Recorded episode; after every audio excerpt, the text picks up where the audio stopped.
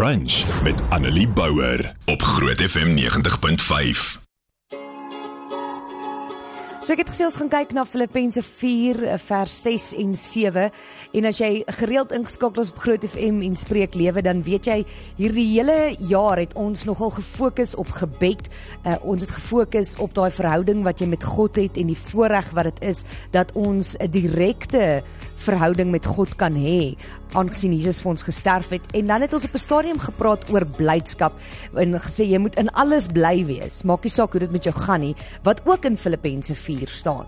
En nou gaan ons so half net bietjie aan met daai ene want nie net sê Paulus jy moet bly wees nie maar hy sê ook dat jy met die Here moet praat en dat jy dan sal vrede hê. So Filippense 4 vers 6 en 7 in die 1983 vertaling sê moet oor niks bekommerd wees nie, maar maak in alles julle begeertes deur gebed en smeking en met danksegging aan God bekend en die vrede van God wat alle verstand te bowe gaan sal oor julle oor julle harte en gedagtes die wag hou in Christus Jesus. Nou die groot ding van hierdie verse is mense lees altyd die deel wat sê maak al julle begeertes aan God bekend. En dit moet jy doen, maar dit gaan nie net oor wat jy in die lewe wil hê nie.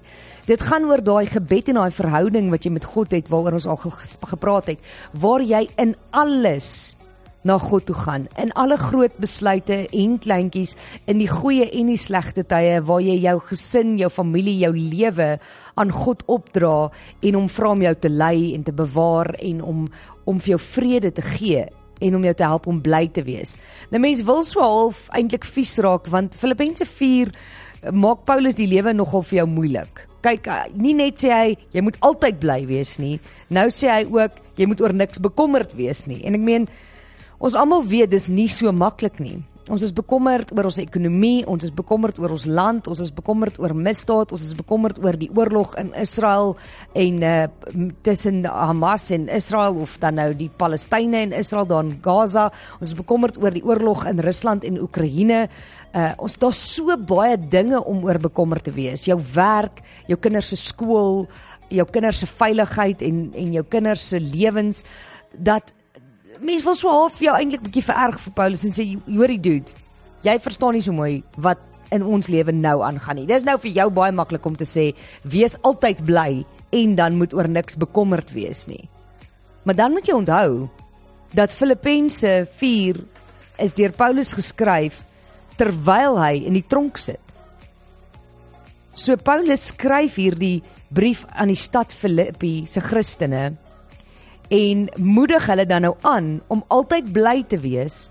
En hy bedank hulle vir hulle vrygewigheid en uh, wat hom gelukkig maak en hy wys dan ook hoe gebed tot hierdie vreugde en vrede kan lei.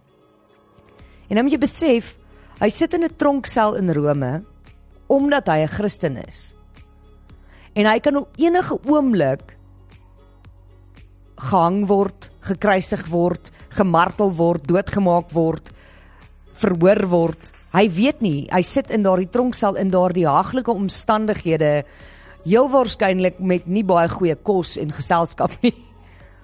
Maar terwyl hy daar sit, verbly hy hom in die Here en dis wanneer hy sê jy moet altyd bly wees. En dan sê hy die Here is naby. Hy weet die Here is naby.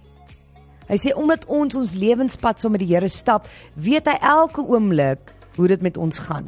En ons het hierdie gesprek ook al gehad. Jy's nooit alleen nie. Jy's nooit buite bereik van God nie, selfs wanneer jy hom nie kan sien nie. Ons het al gepraat oor die storms in ons lewens, wanneer die die golwe te groot is en die wind te sterk is om die Here se stem te hoor en om hom raak te sien. Hy is, jy weet nog steeds hy is daar. En hy's altyd net 'n gesprek en 'n gebed van jou af. En dan sê Paulus weer die woordjie alles. Maak in alles julle begeertes aan God bekend. Jy kan oor enige iets, enige tyd met die Here praat.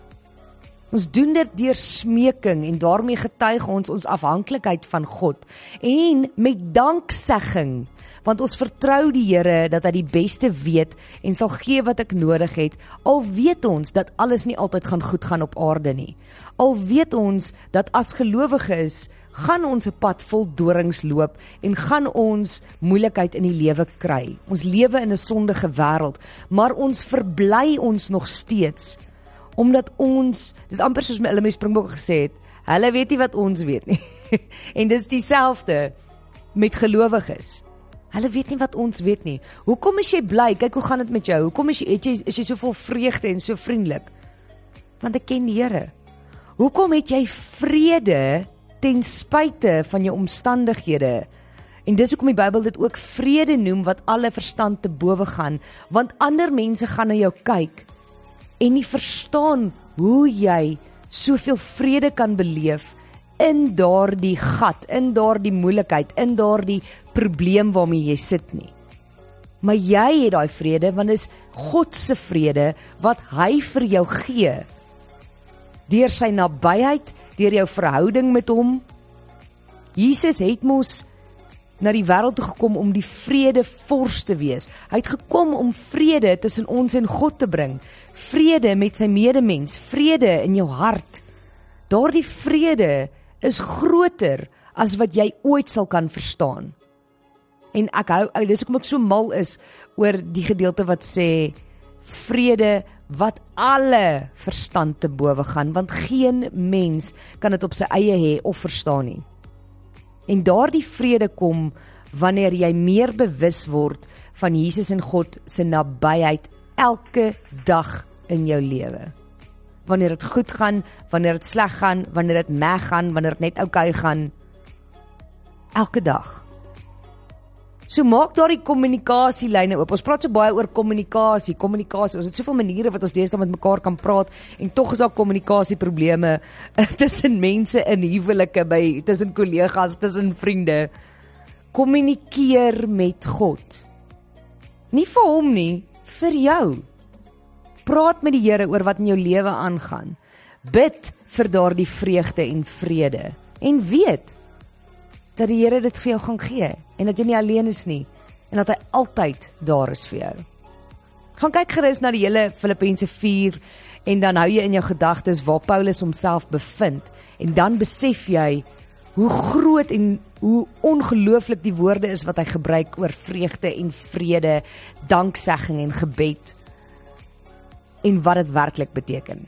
Annelie Bouwer, weekoggend tussen 9 en 12 op Groot FM 90.5.